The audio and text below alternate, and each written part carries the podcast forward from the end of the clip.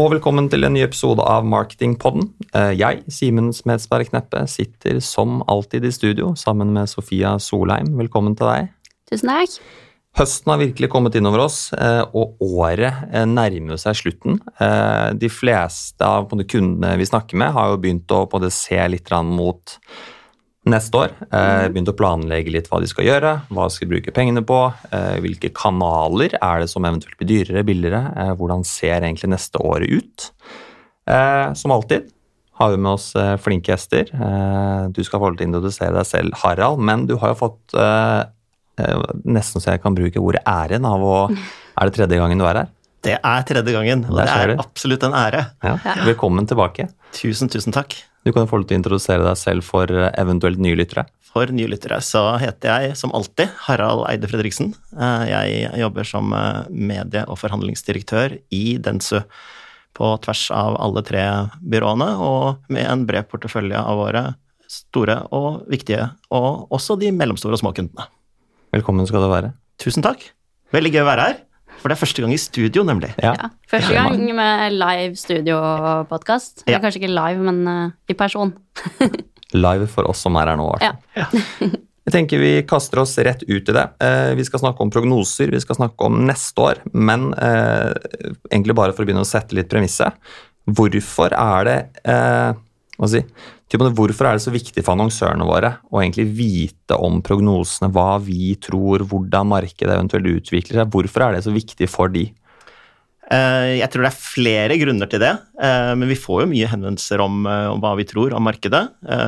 Det kan være litt om varelagersituasjonen. altså Er det noen medier som er mer populære enn andre, sånn at man skjønner at her kan det kanskje bli kamp om å få plass? Det kan ha litt å si. Så kan det også ha litt å si om pengene, at det er stor interesse for, og stor vekst og stor etterspørsel, så kan det ha noe å si for prisbildet. Og så tror jeg det er litt det at mange vil kikke seg litt på sidemannen og se hva de andre gjør, fordi at vi lever i usikre tider, og det å legge en god markeds- og medieplan er ikke bare lett, og da skuler man litt også på hva naboen og konkurrenten og de andre gjør. Så det er et lite sånn kikkelement i det også. Det er sikkert veldig mange som lurer litt på hvordan vi utarbeider, eller du da, eller dere som driver med det, utarbeider de prognosene. Eh, Er det sånn cowboyformel, fingeren i været, hiv ohoi, liksom, eller hvordan er det det her funker?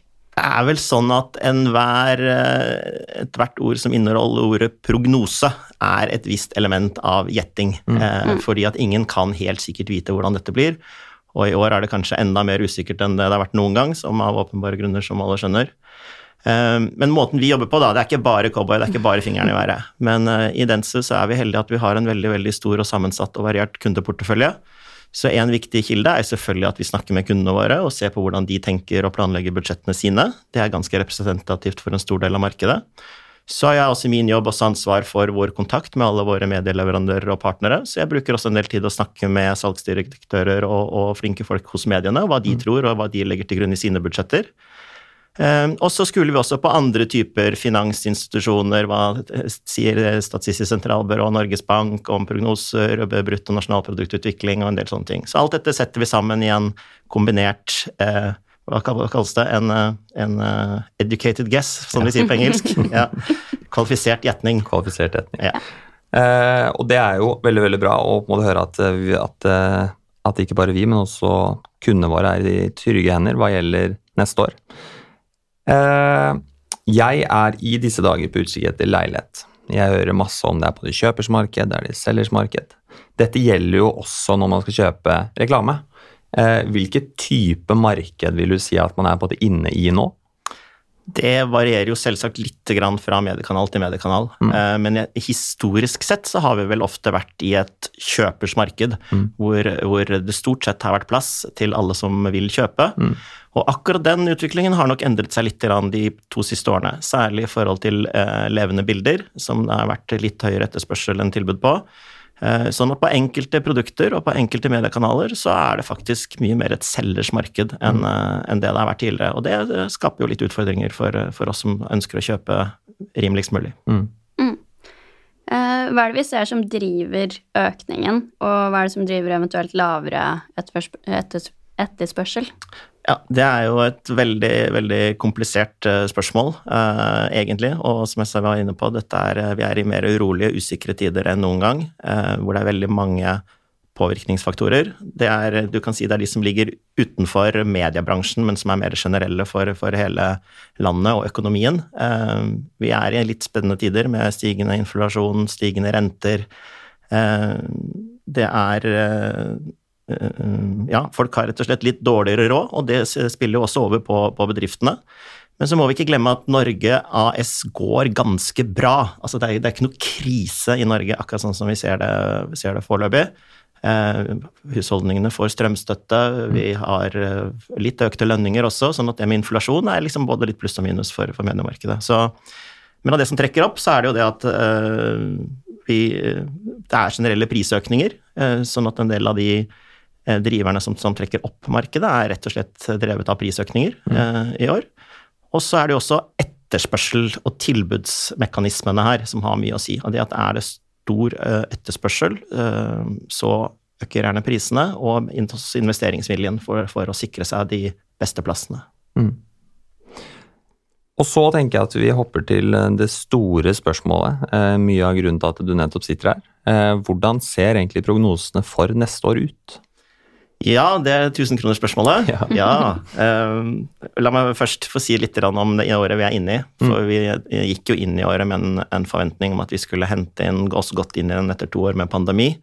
Uh, men som var fjoråret 2021 var faktisk ganske bra. Vi hentet inn veldig mye allerede i 2021, uh, eh, selv om det var et av de to pandemiårene. Mm. Så i år så trodde vi at vi skulle fortsatt ha vekst, og den begyn året begynte ganske bra, men så har det avtatt nå utover høsten etter hvert som uh, som eh, verdensrealiteten har seget innover oss. Så vi kommer nok til å komme ut med en liten pluss i år, men den blir på langt nær så stor. Og så tar vi da med oss den farten inn i, inn i året som kommer.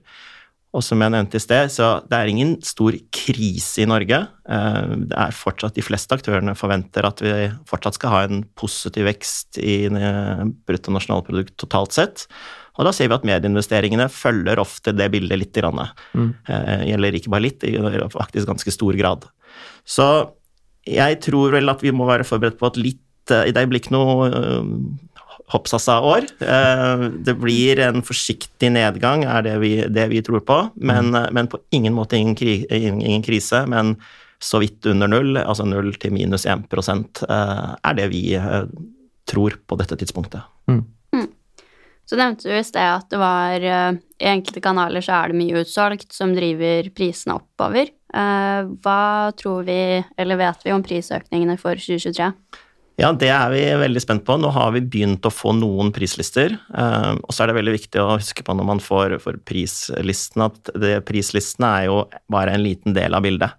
Eh, for hva en annonsør til syvende og sist betaler. Eh, prislisten er på en måte et første utspill fra mediene på, på eh, hva de kan tenke seg. Og flere aktører begrunner det som vi var inne på, at det er stor kostnadsøkning. Det er ikke de at jeg har ikke tenkt å bli rikere eller ta et større del av overskudd, men papir, transport, lønninger Det er veldig veldig mye ting, ting som øker, og de føler at de må ha en høyere pris for å rett og slett få dekket kostnadene sine. Uh, og så smugler de sikkert inn en liten forhåpning om litt bedre marginer inni der òg. Og det er jo bl.a. min jobb, og, og oss i mediebyrå, at vi skal gjøre to ting. Vi skal prøve å forhandle, sånn at de rabattene man får, at ikke effekten blir så stor. Og så handler det jo til syvende og sist om hva man får levert. Uh, fordi at det kan man også få, få ekstra både bonusvisninger og, og, andre goder, sånn at man får kanskje en litt høyere pris, ja, men man får mer verdi levert tilbake. Så, så det, alt det vet vi ikke ennå. Men uh, Prisen, hva blir prisøkningen? Vi alle venter liksom på TV-prisene. Det er ofte mm. det som har veldig stor, stor fokus. Det vet vi ikke ennå, men vi tror at uh, vi kommer til å få en, uh, en, prisøkning der, siden det har vært så mye utsolgt.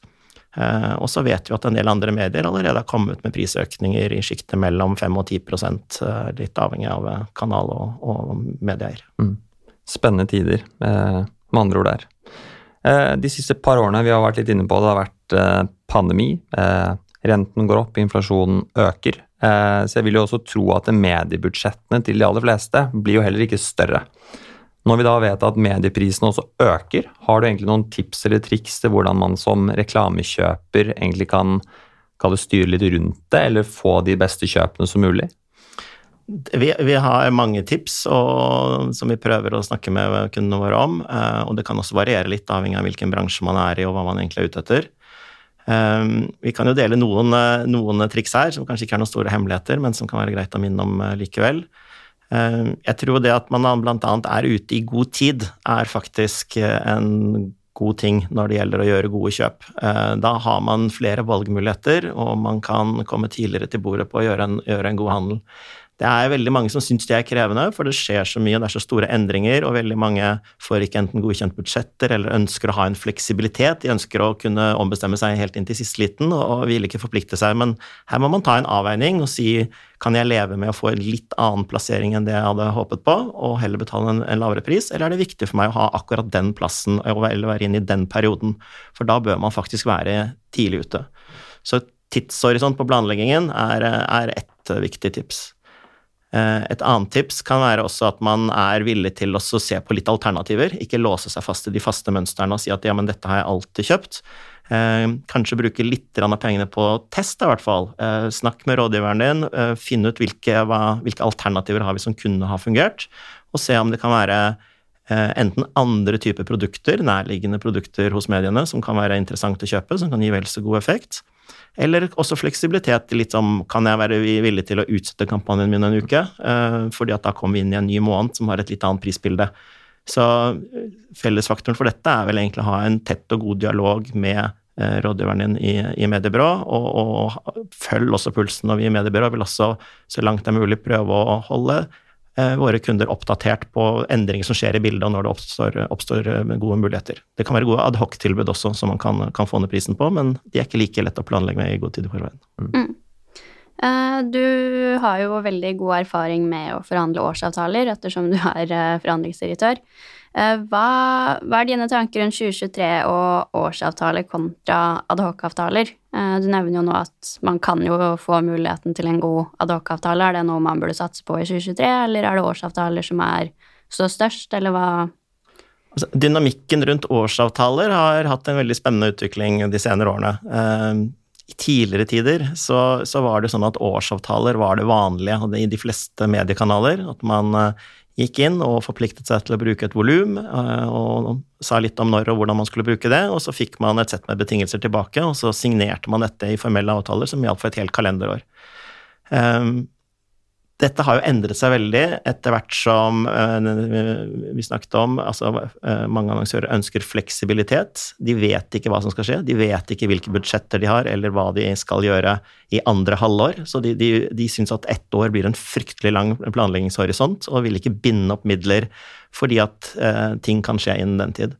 Og det har jeg stor forståelse for. Så en, en klar trend er at veldig mange ønsker fleksibilitet og vil ha Eh, mer eller mindre forpliktende avtaler. De vil gjerne på en måte ha en slags avtale og en forutsigbarhet, men de vil forplikte seg i mye mindre grad. Så her må vi finne en balansegang mellom hva, hvor langt man kan strekke seg, og, øh, og hva man eventuelt kan, kan, oppnå uten den årsavtalen. Men så er det også et eh, interessant punkt her, nemlig dette med de kanalene som blir faktisk utsolgt. For der har vi nesten opplevd en omvendt dynamikk at eh, vi er nesten avhengig av å ha en årsavtale for å sikre oss plass. Mm. Eh, fordi at det, det, det, blir utsolgt, og man forhandler da et visst volum. Og i helt ekstreme tilfeller har vi også opplevd at man Eh, ikke engang får kjøpt eh, hvis man går over årsavtalen sin. Og vanligvis eh, i gamle dager så var det jo sånn at man brukte man mer enn det man hadde sagt, så kunne man gå tilbake og forhandle tilleggskoder på det ekstra volumet man kjøpte. Men nå kan man i verste fall risikere at man, man, får ikke kjøpt mer, eller du kan få kjøpe mer, men til en høyere pris. Sånn at den, den mekanismen der er jo snudd nesten opp ned. Så det må man også tenke over da, før man eventuelt sier nei til en årsavtale. at Kan det bli utsolgt, så, så kan det være lurt å ha en årsavtale som sikrer deg plass, rett og slett. Vel så mye som, som en pris. Mm. Eh, helt til slutt, eh, du var jo litt inne på det nå. Eh, flere kanaler har jo nettopp vært utsolgt. Tror du det er en type situasjon vi kommer til å se neste år også, og i så fall kanskje er det flere kanaler som kommer til å være utsolgt enn det vi har sett i år? Vi har jo sett at utsolgt særlig har, har helt uh, levende bilder. Uh, TV, online video, uh, til viss grad også kino. Mm. Um, det var vel stor lettelse i den kommersielle TV-bransjen i forrige uke da, da TV 2 og Altibox ble, ble, enige, for det hadde faktisk en del å si på hvilket varelager som var tilgjengelig. Mm. Um, Men jeg tror vel dessverre at vi må være forberedt på at vi kan få utsolgtsituasjoner også i 2023 på nettopp levende bilder. Men jeg vil også trekke frem at Eh, det er flere mediekanaler som kanskje ikke er så kjent, eller som, eh, hvor det er så mye fokus på det, men hvor enkelte produkter, eh, enkelte plasseringer, kan også være utsolgt. Det gjelder mm. utendørs, med, med premiumplasseringer på utendørsbildet, som er seilt opp som veldig oppmerksomhetsskapende dekningsmedier, faktisk. Det kan også være typer som kino, og det kan være enkelte distribusjonsdager på DM. Så her er det viktig å være, være i forkant og, og Eh, prøve å unngå å havne at ikke du kommer på når du har lyst. Mm. Jeg tror eh, vi sier at det var det vi rakk for nå, eh, men det er jo liten tvil om at 2023 blir et krevende år for mange. Det er viktig å planlegge, men man må også kunne være fleksibel. Og så får man jo se, da, er det de som signerer årsavtaler, eller de som på det går for disse mer adhoc-avtalene som på det kommer ut som vinnerne. Det blir spennende å se. Men i hvert fall, tusen takk til deg, Harald. Tusen takk for at du kunne komme innom denne gangen også i studio. Tusen hjertelig takk. Alltid en glede å være her. Veldig hyggelig. Så bra. Da høres vi igjen neste uke. Ha det bra.